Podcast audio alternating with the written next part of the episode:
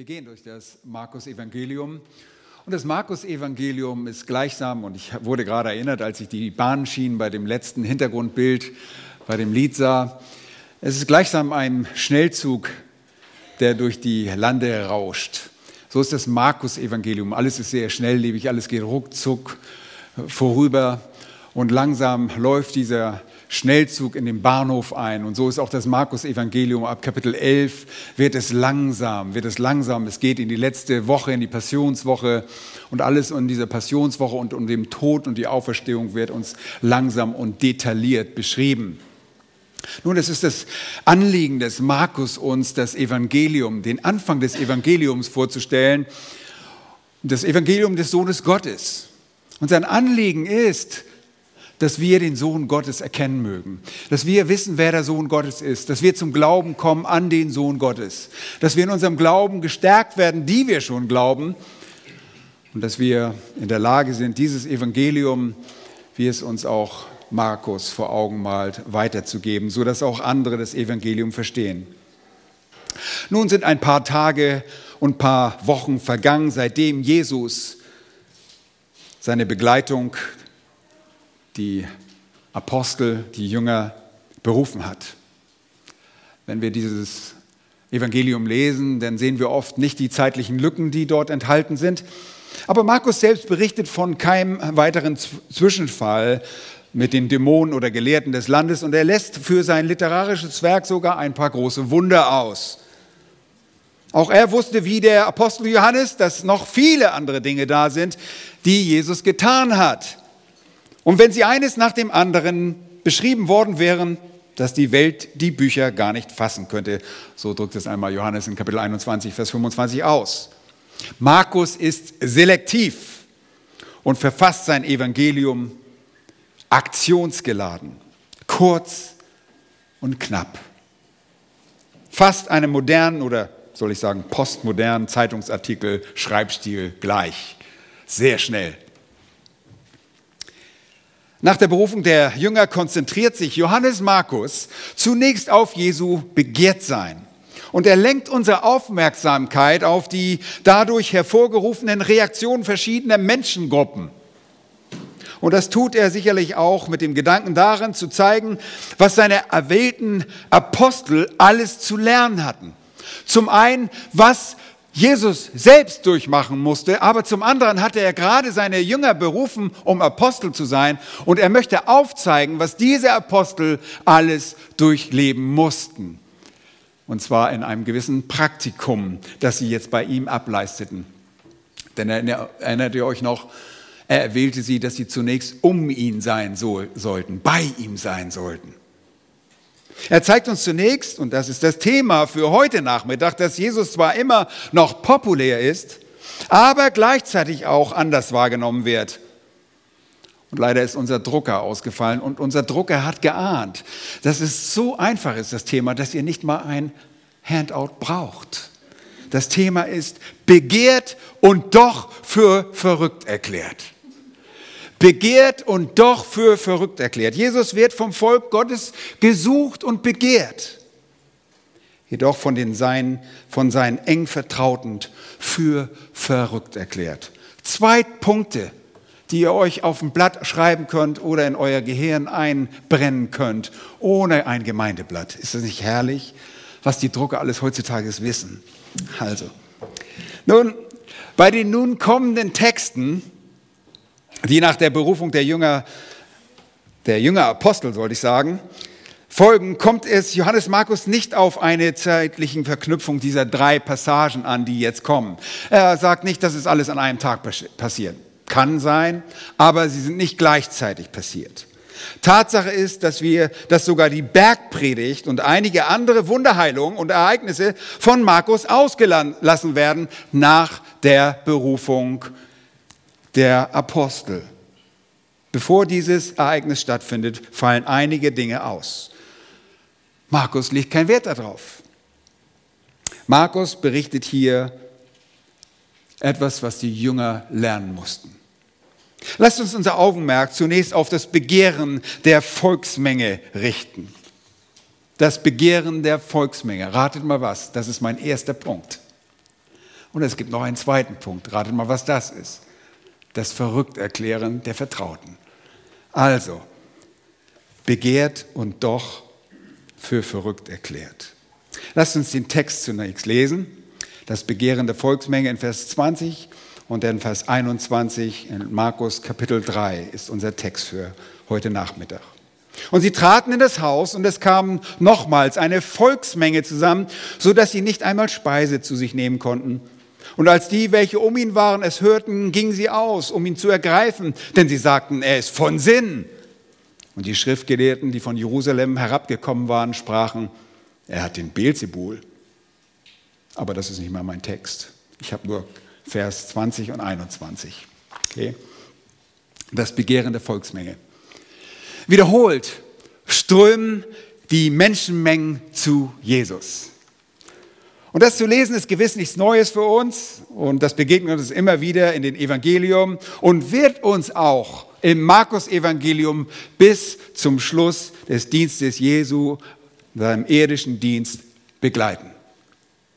Wir haben uns schon ein wenig darüber unterhalten, dass diese Aufläufe von Massen für den Dienst Jesu hinderlich waren und dass er sich aufgrund oder aus diesem Grunde auch oft an einsame Orte zurückziehen musste und nicht mehr in den Städten verkündigen konnte. Aber was? Was genau ist der Anlass für die großen Menschenansammlungen, diese Volksaufläufe um die Person Jesu? Und die Antwort ist nicht so sehr schwierig.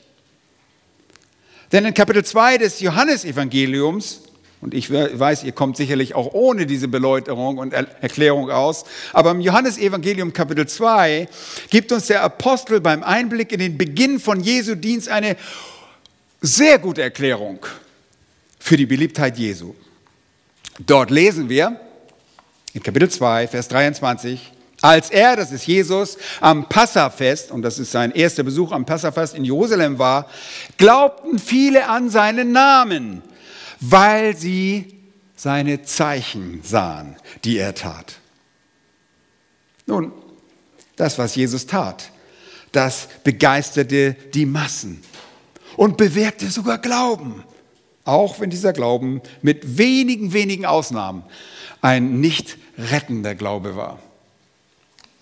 Nie zuvor gab es eine derartige Aktivität im Lande. Nie zuvor wurden kranke Menschen in Galiläa, ja in Israel und umliegende Landstriche eingeschlossen, so von Krankheiten befreit, wie es in der Zeit Jesu temporär der Fall war. Niemals zuvor gab es dort eine derartige Furcht in den satanischen Mächten und Geistern, die panikartig aufschrien, wenn sie Jesus sahen und vor dem Schöpfer aller Dinge weichen mussten. Die Massen waren auch jetzt schon darüber entzückt, dass er einen blinden und stummen Mann, einen Dämon austrieb. Und dieser befreite Mann anschließend wieder sehen und reden konnte. Ihr Lieben, dieses Ereignis findet unmittelbar bevor dieser Begebenheit statt. Das wissen wir aus dem parallelen Text aus Matthäus Kapitel 12. Die Volksmenge verwunderte sich immer wieder und sprach bei einer ähnlichen Begebenheit, so etwas ist noch nie in Jerusalem gesehen worden. Nun, vor ein paar Tagen bin ich durch die Stadt gefahren und es fing auf einmal ganz fürchterlich an zu regnen. Und ich sagte zu meiner Frau, sowas habe ich noch nie erlebt. Nun, die Volksmenge hatte sowas noch nie erlebt. Mein Auto fing an zu schwimmen. Nun, diese Volksmenge hat sowas noch nie erlebt. Es kam nicht vor, dass Wunderheiler durch Jerusalem und durch Israel gingen, durch das ganze Land Galiläa. Es war etwas Außergewöhnliches. Nun, im Laufe seines Dienstes in Galiläa gewann Jesus sogar so sehr an Popularität, dass er nicht mehr öffentlich in den Städten auftreten konnte. Später lesen wir, dass er bei den übernatürlichen Speisungen der Massen einmal 5000 und ein weiteres Mal 4000 Männer anwesend waren. Und da sind nur die Männer gezählt. Die Schar wuchs wahrscheinlich bis in die Zehntausende. Kein Wunder, dass nicht nur die Dämonen in Panik gerieten, sondern auch die geistlichen Führer des Landes größte Besorgnis empfanden. Sie waren sicherlich nicht weniger neugierig, aber ihre Emotionen waren so von Eifersucht beherrscht, Neid und Stolz, dass Jesus von Nazareth die Aufmerksamkeit bekam, die sie sich so sehr gern wünschten, dass sie bereit waren, ihn zu töten. Und das haben wir zuvor in den Texten gelesen, Kapitel 3, dass sie bereit waren, ihn zu töten und sogar Freund wurden mit den Herodianern und gemeinsam beschlossen, Jesus zu töten. Nun, Jesus geht unbeirrt weiter. Er beruft sich seine Jünger und er hat die Weitergabe seines Dienstes vor Augen, er hat die Botschafter vor Augen, die eines Tages ihn vertreten sollen. Er geht unbeirrt weiter und handelt, wie er es vor Grundlegung der Welt beschlossen hat. Bei diesem Bericht ist es Markus, dem Schreiber des Evangeliums, noch einmal wichtig, den Faden aufzugreifen, um die Popularität des Retters hervorzuheben.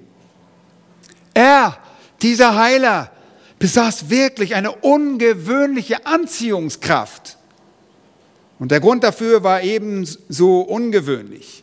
Hier wirkte eben nicht nur ein Mensch, ein ganz normaler, begabter Arzt oder ein Exorzist, sondern hier wirkte der Sohn Gottes, der in sein Eigentum kam und sich durch seine Werke als der identifizierte, der er behauptete zu sein, der Sohn Gottes.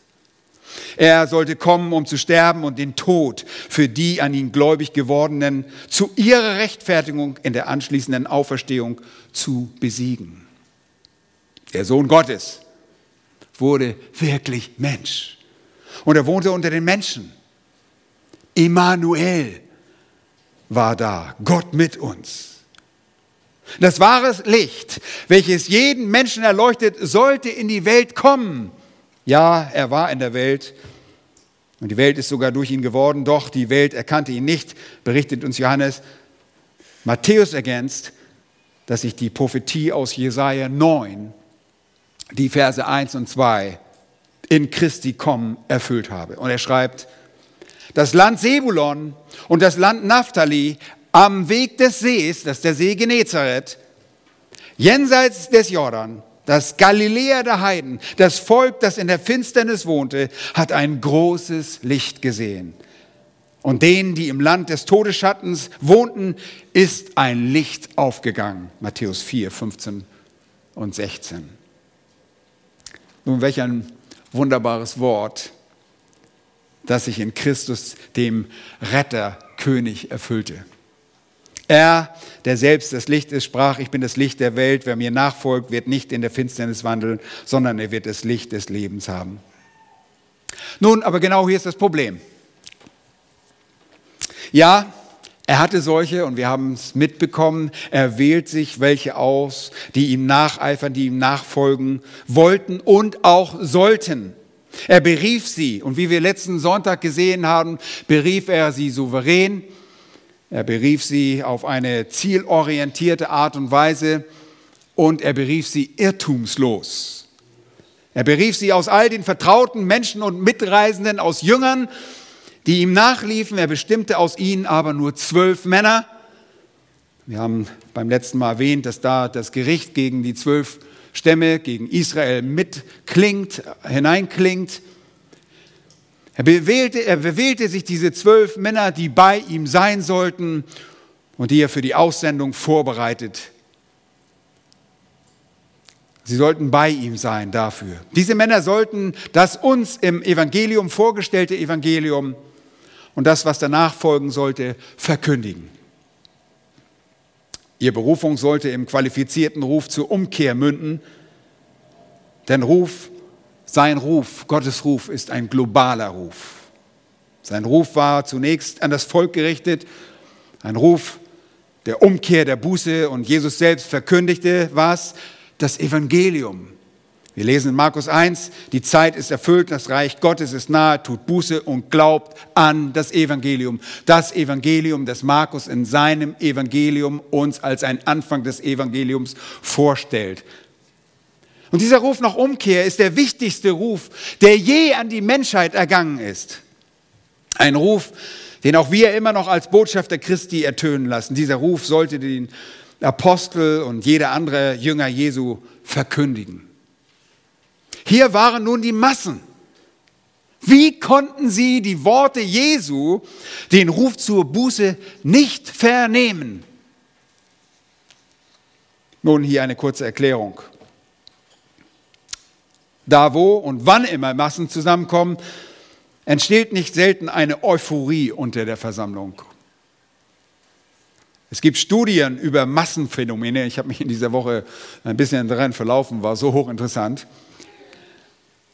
Man hat zu Recht erkannt, dass in der Masse das Individuum die eigene Identität verliert, sich als Teil der Gruppe sieht und dabei sehr häufig auch irrational und unvernünftig handelt. Der Einzelne in der Gruppe war nicht von einem klaren Verstand, sondern von Emotionen geleitet und auch oft durch Emotionen allein motiviert. Oft wissen die Versammelten nicht einmal genau, warum sie eigentlich zusammengekommen sind. Wir sehen das in unserer Geschichte, ob das der G20-Gipfel war und Menschen in der Massenmenge auf einmal Steine aufheben und mit Steinen werfen ob es in Köln war, zu sexuellen Übergriffen kam. Oftmals wissen die Leute in der Gruppe nicht genau, was sie tun. Und das erinnert ein bisschen von dem Aufruhr in Ephesus, in den wir in Apostelgeschichte 19 lesen. Dort lesen wir in Vers 32, die einen nun schrien dies, die anderen jenes, denn die Versammlung war in Verwirrung und die meisten wussten nicht, weshalb sie zusammengekommen waren. Nun, diese Gruppe, diese Leute um Jesus, die hatten natürlich ihre Gründe. Sie waren nicht anders als die von Leute von heute.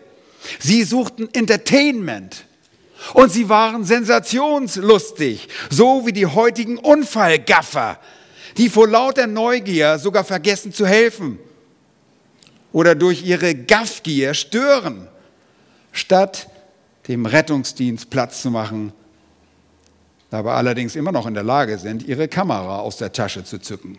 Kennt ihr solche Leute? So waren die Menschen zur Zeit Jesu auch, nur dass sie keine Kamera hatten. Getrieben von der Lust der Erfahrung und der Emotion der Begeisterung über das Übernatürliche, das niemand zu leugnen vermochte, kamen sie zusammen und wollten Jesus sehen. Nun, in diesem Text haben wir solche Wundergaffer.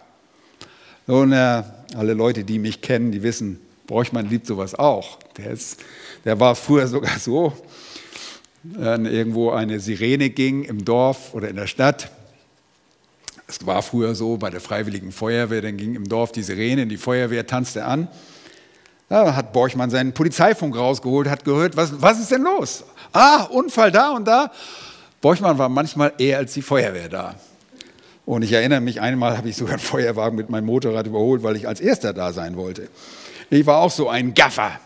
Nun, das hat sich jetzt, äh, irgendwann mal geändert, als ich selber Rettungssanitäter wurde. Aber hier bedrängen die Menschen Jesus, dass er seinen Rettungsdienst eigentlich nur eingeschränkt tun kann. Er ist der Retter. Jesus ist sein Name. Erinnert ihr euch noch?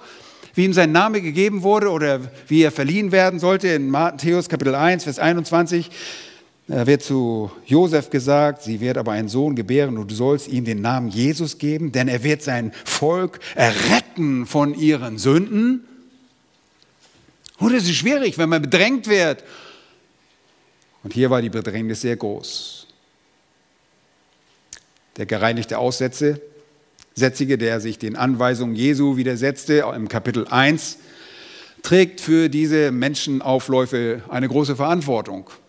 Sicherlich hätte es äh, sich das auch ohne diesen Mann ergeben, aber wir erinnern uns, dass Jesus ihm ein Mitteilungsverbot gab und er sagte, sag niemandem etwas. Und was tut dieser Mann? Er ging hin und fing an, es vielfach zu verkündigen und breitete die Sache überall aus, sodass Jesus nicht mehr öffentlich in eine Stadt hineingehen konnte sondern er war draußen an einsamen Orten und sie kamen von allen Seiten zu ihm. Nun, wir haben das in unseren Texten schon gesehen, dass sich Jesus an einsame Orte zurückzieht, auch an den See. Das war das Letzte, was wir gesehen haben. Und selbst dort musste er mehrmals ein Boot als Kanzel verwenden. Der große Wunderheiler, so seien ihn die Volksmengen, war gemäß seiner eigenen Aussage in erster Linie allerdings ein Prediger. Er war ein Verkündiger und Lehrer. Und dazu kam er, damit er Menschen mit der Wahrheit und durch das Wort der Wahrheit freimachen konnte. Sie aber wollten Wunder sehen. Schaut noch einmal in den Text, hier in Markus 3. Und sie trafen, traten in das Haus und es kam nochmals eine Volksmenge zusammen, sodass sie nicht einmal Speise zu sich nehmen konnten, beziehungsweise Brot essen konnten, so sagt es die Elberfelder und so steht es dort tatsächlich wörtlich. Hier sind also diese Wundergaffer nun dem Herrn der Herren so auf die Pelle getreten, so auf den Pelz gerückt, dass Jesus nicht einmal mehr sein Brot essen konnte. Und da steht er so wörtlich. Und dabei befindet sich Jesus nicht einmal an einem öffentlichen Ort, etwa an einem Picknicktisch der Dorfgemeinde. Er ist hier in ein Haus getreten. Vielleicht war es das Haus, das Haus, das Jesus temporär zu seinem Heim machte, das Petrus gehörte und Andreas. Die beiden waren ja ursprünglich aus Bethsaida, waren wohl aufgrund der Größe ihrer Familie in das Haus mit der Schwiegermutter zusammengezogen. Ihr erinnert euch, Markus Kapitel 1, 29 und 30, dass die Schwiegermutter dort auch lebte. Wir können nicht dogmatisch sein, aber es ist sehr wahrscheinlich, dass er dorthin gegangen ist. Denn immer, wenn Jesus mit seinen Jüngern unterwegs war, hat er auch im Hinterkopf, wenn nicht die Ehefrauen mitgereist sind, oftmals reisten auch die Ehefrauen mit, dass diese Männer auch zu ihren Familien zurückkamen. Jesu Privatsphäre war flöten gegangen. Aber das war in seiner eigenen Sicht allem Anschein nach in Ordnung. Er gab sich den Menschen und er war gekommen, um diesen Menschen das Evangelium zu predigen. Und es machte ihm nichts aus, dass er so bedrängt war. Jesus sagte einmal, ich bin nur gesandt zu den verlorenen Schafen des Hauses Israels. Und dem war er ergeben. Deshalb wurde er gesandt. Und er erfüllt diesen Auftrag in vollkommener Weise. Er predigt und predigt und lehrt und lehrt. Und dabei ergreift ihn oft das Mitgefühl und er heilt und gleichzeitig identifiziert er sich als solcher, der kommen sollte, als der Messias. Markus gibt an dieser Stelle kein Urteil darüber, was die Menschen motivierte oder wie sie aus diesen Begegnungen mit Jesus hervorgingen. Stattdessen nimmt dieser Bericht nicht die Ereignisse ein, nicht der Bericht, äh, nimmt der Bericht nicht die Ereignisse eine überraschende Wendung. Leute kommen an, sind begeistert und der Bericht sagt auf einmal, dass die Vertrauten ihn festnehmen wollen, denn sie denken, er ist von Sinn. Johannes Markus bringt auf einmal eine völlig neue Perspektive. Auf der einen Seite das Begehren und Suchen des Volkes, auf der anderen Seite merkt das Augenmerk auf die Seinen gerichtet. Die Freunde, die um Jesus sind, sie erklären ihn für verrückt. Nochmals die zeitliche Verknüpfung interessiert Markus an dieser Stelle nicht. Er zeigt zunächst die Reaktion der Freunde, dann die der Schriftgelehrten und Pharisäer und erst anschließend und nicht mit diesem Ereignis direkt verbunden das Kommen seiner physischen Familie an einem ähnlich arbeitsreichen Tag für Jesus. Hier aber zunächst, und das soll uns reichen für heute, das verrückt erklären der eng Vertrauten. Schaut mal Vers 21. Und als die, welche um ihn waren, es hörten, gingen sie aus, um ihn zu ergreifen, denn sie sagten, er ist von Sinn. Nun, im Volk gab es wiederholt ähnliche Reaktionen, wie es jetzt auch bei dieser besonderen Gruppe von Menschen als eine Reaktion sich abzeichnet. In Johannes 10 zum Beispiel nach der Heilung des Blindgeborenen lesen wir von vielen der damals anwesenden Menschen. Dort steht, und viele von ihnen sagten, er hat einen Dämon und er ist von Sinn. Weshalb hört er auf ihn? Johannes 10, Vers 20. Diese Leute um ihn herum sagen, der hat nicht alle Tassen im Schrank, der hat irgendwie einen kleinen Spleen. Hier kommt es sehr überraschend. Was geht hier vor sich? Lasst uns diese Dinge vorsichtig untersuchen und dabei ein paar Fragen stellen und diese Fragen dann anschließend auch gleich beantworten. Die erste Frage, die wir uns stellen wollen, wer sind die, welche um ihn waren? Schaut einmal den Text, der Schlachter 2000 ähm, Text bringt es meines äh, Erachtens sehr gut und richtig wieder, gibt es gut wieder. Da heißt es, und als die, welche um ihn waren, es hörten. Wer sind die, welche um ihn waren und wer waren sie nicht? Die zweite Frage, die wir uns anschauen wollen, was hörten sie? Vers 21, als die es hörten, steht dort in Vers 20, ähm, sie Vers 20, was war da? Dass er nämlich nicht mehr essen konnte, dass er bedrängt wurde. Dritte Frage, was hatten diese Leute vor? Nun, sie gingen aus, um ihn zu ergreifen. Und was war der Grund dafür, dass sie Jesus ergreifen wollten? Sie sagten, er ist von Sinn. Nun lasst uns diese erste Frage zunächst einmal betrachten. Die erste Frage ist, wer sind die, welche um ihn waren und wer waren sie nicht? Der griechische Text wird von den Bibelübersetzern recht unterschiedlich wiedergegeben. Die Elberfelder Übersetzungen geben den Text so wieder, und als seine Angehörigen es hörten, gingen sie los, um ihn zu greifen, denn sie sagten, er ist von Sinn. Und die griechischen drei Worte, die dort stehen, bedeuten wörtlich sie um ihn. Und wird in unserem Text in der Schlachter 2000 gut wiedergegeben, welche um ihn waren. Um ihn waren. Und je nach Kontext, je nach Schriftzusammenhang ist es durchaus möglich und ist auch legitim darin, Angehörige und sogar die engere Familie zu sehen. Nur die englische Standardversion hat die Freiheit, die drei Wörter als Familie zu übersetzen. Sonst tut das eigentlich keine Übersetzung. Und viele andere sehen das so, einschließlich die John MacArthur Studienbibel.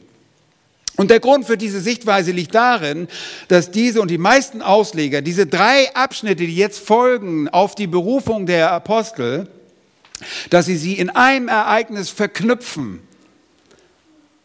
Und weil sie glauben, weil Maria und die Brüder Jesu auch später in dem Text von Kapitel äh, 3 auftauchen, dass sie auch jetzt diese Familie sein müssen.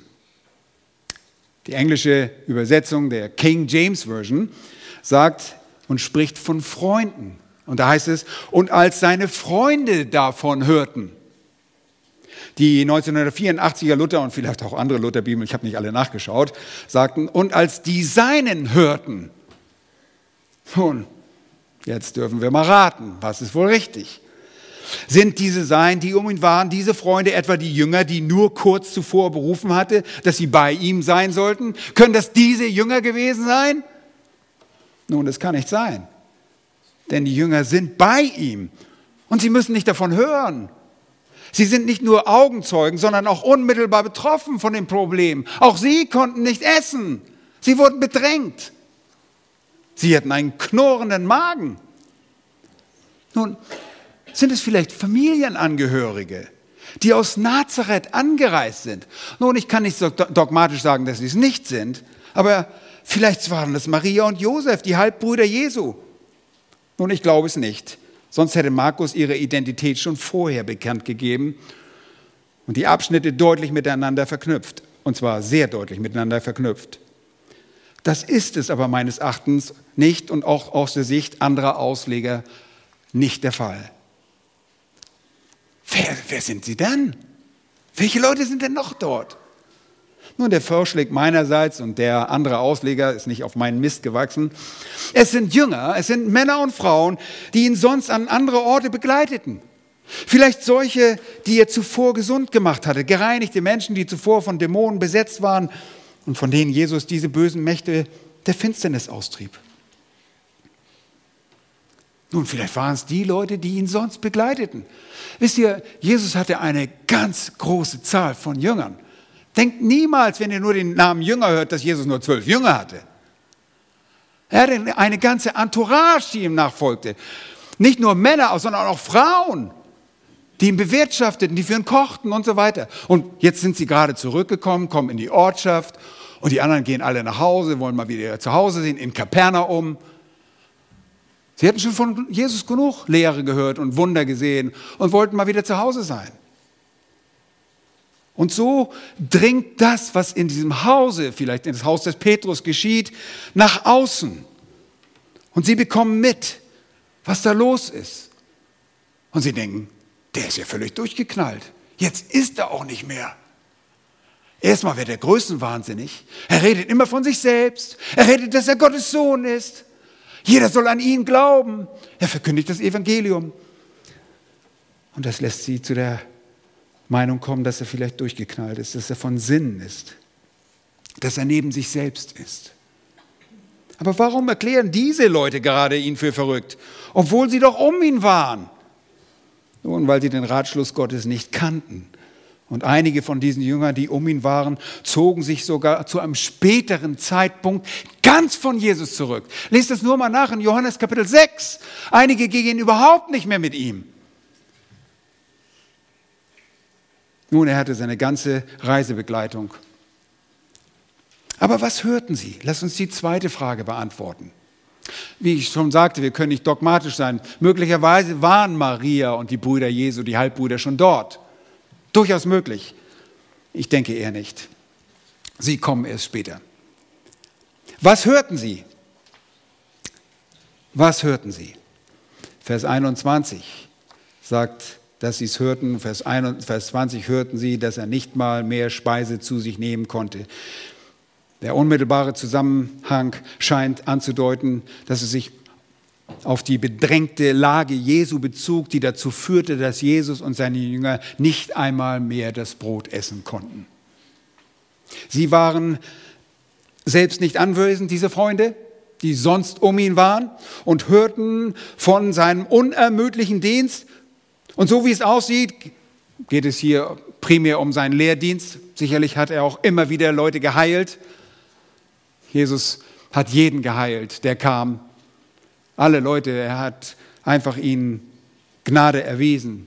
Wie ich schon vormals sagte, es gab wohl kaum eine Zeit, jemals vorher und nachher in der Geschichte dieses Volkes, dass so viele Menschen temporär gesund wurden. Aber dieser Dienst vereinnahmt Jesus sehr, so, so sehr, gekoppelt mit dem Bedrängtwerden durch die Massen, dass er mit seinen Jüngern nicht einmal mehr in der Lage ist, Brot zu sich zu nehmen. Nun, das ist doch nicht so schlimm, ein Tag ohne Brot. Das machen wir doch öfter mal, oder? Einige von euch, das ist ja nicht so, so ein dolles Ding. Aber lasst uns mal ein bisschen auf der Grundlage dieser Worte nachdenken, was sich dort wohl in diesem Hause zugetragen haben mag und wie sich diese Geschichte entwickelt hat. Dürfen wir sowas machen? Ich, bei mir geht die Vorstellungskraft immer los. Klar wollen wir uns nicht von den Seiten der Schrift lösen, aber ich stelle mir das vor, besonders weil ich dieses Haus des Petrus gesehen habe mit dieser wunderschönen katholischen Kirche obendrauf. Uh, oh, ja. Aber ich stelle mir das immer sehr gerne vor, was da los war. Dieses Haus, wir haben schon über dieses Haus gesprochen, dass es ein größeres Haus war, einen Innenhof hatte und dass sich dort auch viele Leute versammeln konnten. Aber es war einfach nur proppevoll. Wie viele Leute kriegt man in so ein Haus? Lass 50 Leute da reingehen und dann ist aber auch Sense. Aber draußen stehen die Leute in Schlangen, massig. Und drin predigt Jesus und predigt und predigt und predigt und predigt. Und die Leute denken, oh, mir knurrt der Magen. Und sicherlich waren auch ein paar Knorrbäuche dazwischen. Leute, die gesagt haben, oh, wir haben ja auch solche Leute in der Gemeinde, die denken nur ans Grillen. Ja? Die sagen, oh, ich habe so einen Hunger, warum hört der nicht mal auf, endlich zu reden? Ist der denn überhaupt nicht? Der ist ja völlig wahnsinnig. Der redet nur von sich selbst. Und die schleichen sich raus durch die Reihen und lassen irgendjemand anders in das Haus hinein. Ja, der Typ, der redet nur von sich selbst. Ich wollte Wunder sehen. Wozu bin ich überhaupt gekommen?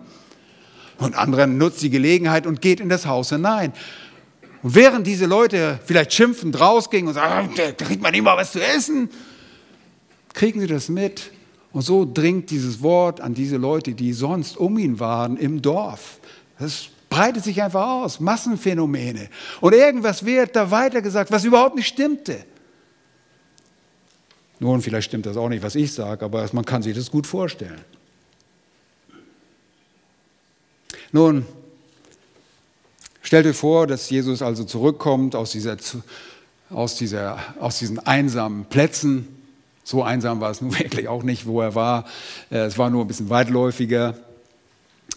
Und äh, wie wäre es denn, dass er nicht einsam war? Und nach der Berufung der Jünger zu Aposteln predigt Jesus dann zunächst einmal die Bergpredigt. Und jetzt ist er also in diesem Haus, wahrscheinlich bei Petrus. Und die Kunde verbreitet sich. Ja, so ein Lager, wie so ein Lauffeuer und sagt, er ist da, er ist da. Und Leute wissen, kommt schon entgegen, sie sehen ja schon, dass er kommt und alle sind in diesem Haus. Und es passiert so genau, wie ich mir das vorstelle, dass dieses Wort an diese Leute, an diese Freunde gerät und diese Freunde denken, oh Backe, er dreht ab. Er dreht völlig ab. Habt ihr gehört, er isst nicht mal mehr. Vielleicht tritt er jetzt auch noch einen Hungerstreik. Vielleicht will er denen sagen, ich bin der Sohn Gottes, ich brauche nicht essen. Nun, gedrängt in diesem Haus, draußen stehen Schaulustige in Schlangen.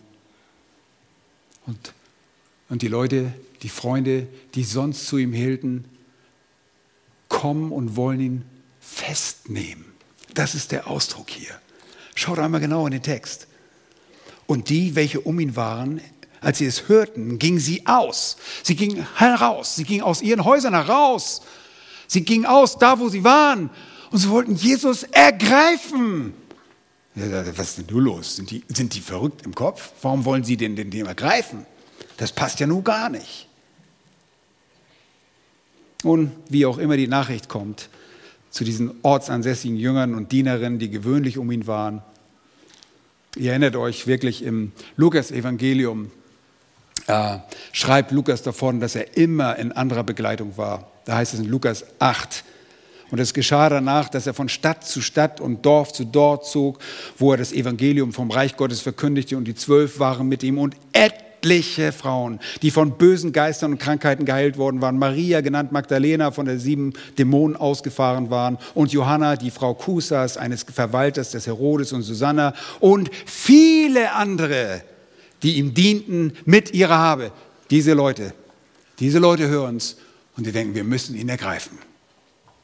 Nun, was haben diese Leute vor? Und was veranlasst sie davon zu? Nun, Sie denken, er hat den Verstand verloren. Er ist irgendwie Kuckucks geworden im Kopf. Dass er vielleicht aufs Essen verzichtet, dass er einfach zu großkotzig von sich selber redet. Dass er meint, er wäre Gott. Hat er denn vergessen, wer er eigentlich ist? Der Zimmermann aus Nazareth? Ich meine, es ist ja ganz toll, was er da alles verkündigt und was er da so tut. Aber wisst ihr was? Diese Zeichen haben diese Leute nicht bekehrt. Zeichen bekehren einen Menschen nicht. Wenn du auf irgendein Zeichen wartest und deshalb bekehrt sein möchtest, das trifft nicht zu. Und so war es auch bei diesem Gefolge nicht der Fall, dass sie durch die Zeichen und Wunder zum Glauben kamen. Ganz im Gegenteil. Sie erklären ihn verrückt, für verrückt, wollen ihn ergreifen und sagen, naja, vielleicht sollten wir ihn ein bisschen Schutz nehmen. Vielleicht sollten wir ihn, hat er zu viel Belastung gehabt. Vielleicht sollten wir ihm irgendwo mal einen Schutzraum anbieten, wo er mal ganz allein sein kann und geben ihm mal wieder einen Happen zu essen, damit hier die Zirkulation und Blut wieder in Gange kommt und er wieder richtig denken kann. Kann man sich das so vorstellen? Ja, ich denke schon. Sie gehen aus, um ihn zu ergreifen. Oh, ihr Lieben, was für eine Widersprüchlichkeit. Was für eine Widersprüchlichkeit demjenigen, der ihren Verstand geschaffen hat. In Jesaja Kapitel 40, 28 heißt es, sein Verstand ist unerschöpflich. Sie bezeichnen ihn als außer Verstand. Der, der ihnen den Verstand gegeben hat. Was für eine Anmaßung. Aber sie irrten. Nun, was war der Grund dafür? Sie glaubten von Sinn. Er setzt jetzt vielleicht seine Gesundheit aufs Spiel. Vielleicht geht es langsam zum Ende mit ihm. Wisst ihr, egal was Jesus tat, aß Jesus mit irgendjemand zusammen, dann sagte man ihn, er war ein Esser und ein Fresser und Weinsäufer. Erinnert ihr euch noch an Matthäus 10 oder er war bei den, bei den äh, Zöllnern. Dann heißt es, der Sohn des Menschen ist gekommen und der isst und trinkt. Dann sagen sie, wie ist der Mensch ein Fresser und Weinsäufer, ein Freund der Zöllner und Sünder. Jetzt ist er nicht und gleich denken sie, er ist verrückt im Kopf. Vielleicht hat es sie gestört, dass er nicht mehr richtig arbeitet. Er hat gesagt, Jesus von Nazareth, geh zurück zu deinen Tischen, mach den Dachausbau in Nazareth fertig. Arbeite wieder als Schreiner, als Zimmermann. Du wirst irre. Er vergisst, wer er ist. Ihr Lieben, sie versuchen ihn zu ergreifen. Es steht nichts darüber, was passiert. Wisst ihr, warum nichts dasteht? Weil nichts passiert ist. Es war einfach nicht Jesu Zeit. Jesu war noch nicht Zeit. Sie konnten keine, keine Hand anlegen. Kurz vorher, bevor dieses Ereignis geschieht, finden wir ihn beim Laubhüttenfest. Und da wollen sie ihn gleich zweimal ergreifen. Und da heißt es in Johannes 7, Vers 30, da suchten sie ihn zu ergreifen, aber niemand legte Hand an ihn, denn seine Stunde war noch nicht gekommen. Ihr erinnert euch auch, dass er schon in Nazareth war. In Nazareth predigte er in der Synagoge von sich selbst und auf die Schriftrolle und die Leute waren so zornig, als er diese Schriftrolle, diese Aussage auf sich auslegt und sie treiben ihn raus. Sie wollen ihn von einem Abhang herunterstoßen. Wisst ihr, was Jesus macht? Er geht einfach zwischendurch und geht davon. Seine Zeit war noch nicht gekommen. Und deshalb steht hier auch nichts, was damit passiert, was aus diesem Ergreifen passierte. Nun, wir wollen immer gut denken von diesen Leuten. Vielleicht haben Sie auch mitbekommen, was in Kapitel 3 zu Beginn des Kapitels passierte, dass nämlich die Schriftgelehrten, die Pharisäer, der Zentralkomitee Jerusalems, der große Sanhedrin, ihn an den Kragen wollte, dass sie ihn töten wollten. Vielleicht haben sie gesagt, wir müssen ihn ergreifen, wir müssen ihn schützen. Wisst ihr, du kriegst keine Aufmerksamkeit, wenn du mit 50 Leuten dich irgendwo versammelst. Unsere kleine Gemeinde interessiert niemanden in der Welt. Keiner, keine Medien hier. Oder habt ihr hier schon mal Kameraleute rumlaufen sehen? Leute, wenn wir tausend Leute wären, dann würde es anders sein. Da würden hier irgendwelche Presseleute rumlaufen und sagen, hey, was macht ihr hier? Und, und die, wir würden genau unter Beobachtung sein. Und so war das hier. Jesus war unter Beobachtung von diesen Landsleuten, von dieser religiösen Elite. Und sie dachten sich, Mensch, wir müssen ihn schützen vor diesen, vor diesen Leuten. Vielleicht ist er irre geworden. Die werden ihn noch abschlachten. Die werden ihn steinigen. Mit seiner Gotteslästerung. Der sagt ja ständig, dass er Gott ist. Das haben die schon verstanden. Mein Leben, warum steht das alles da? Warum steht das alles da? Nun, die Jünger mussten genau erkennen, was ihnen widerfahren wird. Popularität, was sagt das aus? Gar nichts. Sagt das etwas über die Ernsthaftigkeit des Glaubens aus? Nicht unbedingt. Kann Jesus Erweckung schenken? Richtige, wahre Erweckung? Natürlich. Aber die Jünger waren vorbereitet. Sie wurden vorbereitet. Denn auch sie wurden für verrückt erklärt. Und ich sage euch, das ist das, was wir lernen müssen daraus. Wir dürfen Jesus danken, was er für uns auf sich genommen hat. Leute bezichtigen sie und sagen, dass er keinen Verstand hat. Derjenige, der uns den Verstand gemacht hat, wird für verrückt erklärt. Gleichzeitig müssen wir sehen, dass wenn wir das Wort verkündigen, vielleicht verzichtest du auf bestimmte Sachen. Ich glaube gar nicht, wie oft in meinem Leben Leute auf mich zugekommen sind und gesagt haben, du musst auch mal ein bisschen auf die Rücksicht nehmen. Du musst ja mal ein bisschen frei machen. Du machst doch mal ein bisschen Urlaub wieder. Du kannst doch nicht immer nur arbeiten. Ihr glaubt, das, das stimmt sicherlich auch mal, aber ich glaube, ich weiß, euch geht es sicherlich auch so. Ja, ihr seid auch als Diener Gottes, ihr seid dem einer Sache ergeben. Und manchmal ist euch das Essen auch nicht wichtig. Und ihr vergesst einfach die Sachen. Ihr gebt euch einfach diesen Dienst hin. Jesus war so ergeben in diesem Dienst. Er sagt, hey, okay, dann verzichten wir mal auf Essen. Jesus hat es schon nachgeholt. Guck mal in Kapitel 6 später, Da schickt er auch seine Jünger aus und dann sagt er, ruht euch mal ein bisschen aus. Er war nicht völlig abgehoben, hat gesagt, ihr braucht keine Ruhe mehr und ich brauche kein Essen mehr. Jesus war ein ganzer Mensch. Ja, er hat ja nicht, okay, ich werde mir jetzt mal ein Steak in meinen Magen beamen. Das hat er nicht gemacht. Er war ein wahrer Mensch. Und er hat nicht irgendwie äh, gesagt, auch als Schreiner oder als Tischler bei seinem Vater, Tisch, sondern er hat den Tisch gemacht. er hat die Säge genommen, er hat den Hobel genommen. Wir müssen erfahren darüber. Dieser Jesus beruft Jünger und diese Jünger werden zubereitet. Sie sehen an seiner Seite, Popularität bedeutet nichts. Wir sehen, wie populär Jesus ist bis in die Passionswoche hinein. In seinem Einzug nach Jerusalem am Palmsonntag oder Palmmontag, ich glaube, dass es der Montag war, aber äh, als er nach nach Jerusalem einzieht, schreien sie alle, Hosianna, gepriesen sei der, der kommt im Namen des Herrn. Drei Tage später, oder vier Tage, Dienstag, Mittwoch, Donnerstag, ja, heißt es, kreuzige ihn. Kapitel 11, Hosianna, Markus 11, Kapitel 15, kreuzige ihn, kreuzige ihn. Das sind die Menschenmassen. Jesus bereitet seine Jünger darauf vor, was sie zu erwarten hat. Und wir sehen es mit Paulus, große Menschenmassen. Wir sehen es bei Petrus bei seiner Verkündigung in Apostelgeschichte 2, große Menschenmassen. Große Menschenmassen kommen sogar zum Glauben. Preis den Herrn. Aber sie werden vorbereitet. Begehrt und doch als verrückt verklärt, erklärt. Wisst ihr was? So geht es uns auch. Denn das Wort vom Kreuz ist denen eine Torheit, die verloren ist, uns aber ist es eine Kraft Gottes eine Gotteskraft. Es ist nicht verwunderlich, dass Leute sagen, dass du irgendwo nicht ganz richtig im Schädel bist.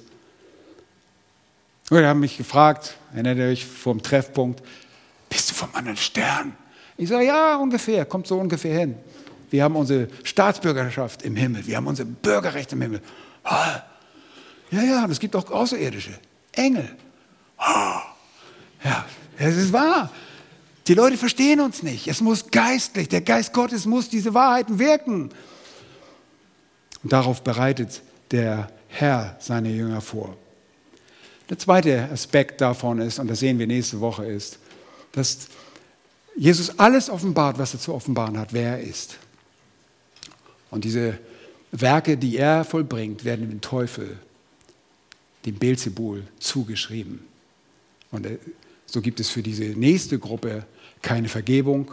Und dann kommt es noch eine weitere Gruppe, nämlich seine physische Familie, die ihn aufsucht. Und Jesus erklärt die neuen Familienverhältnisse, die es gibt im Glauben, ohne seine eigene Familie zu vernachlässigen.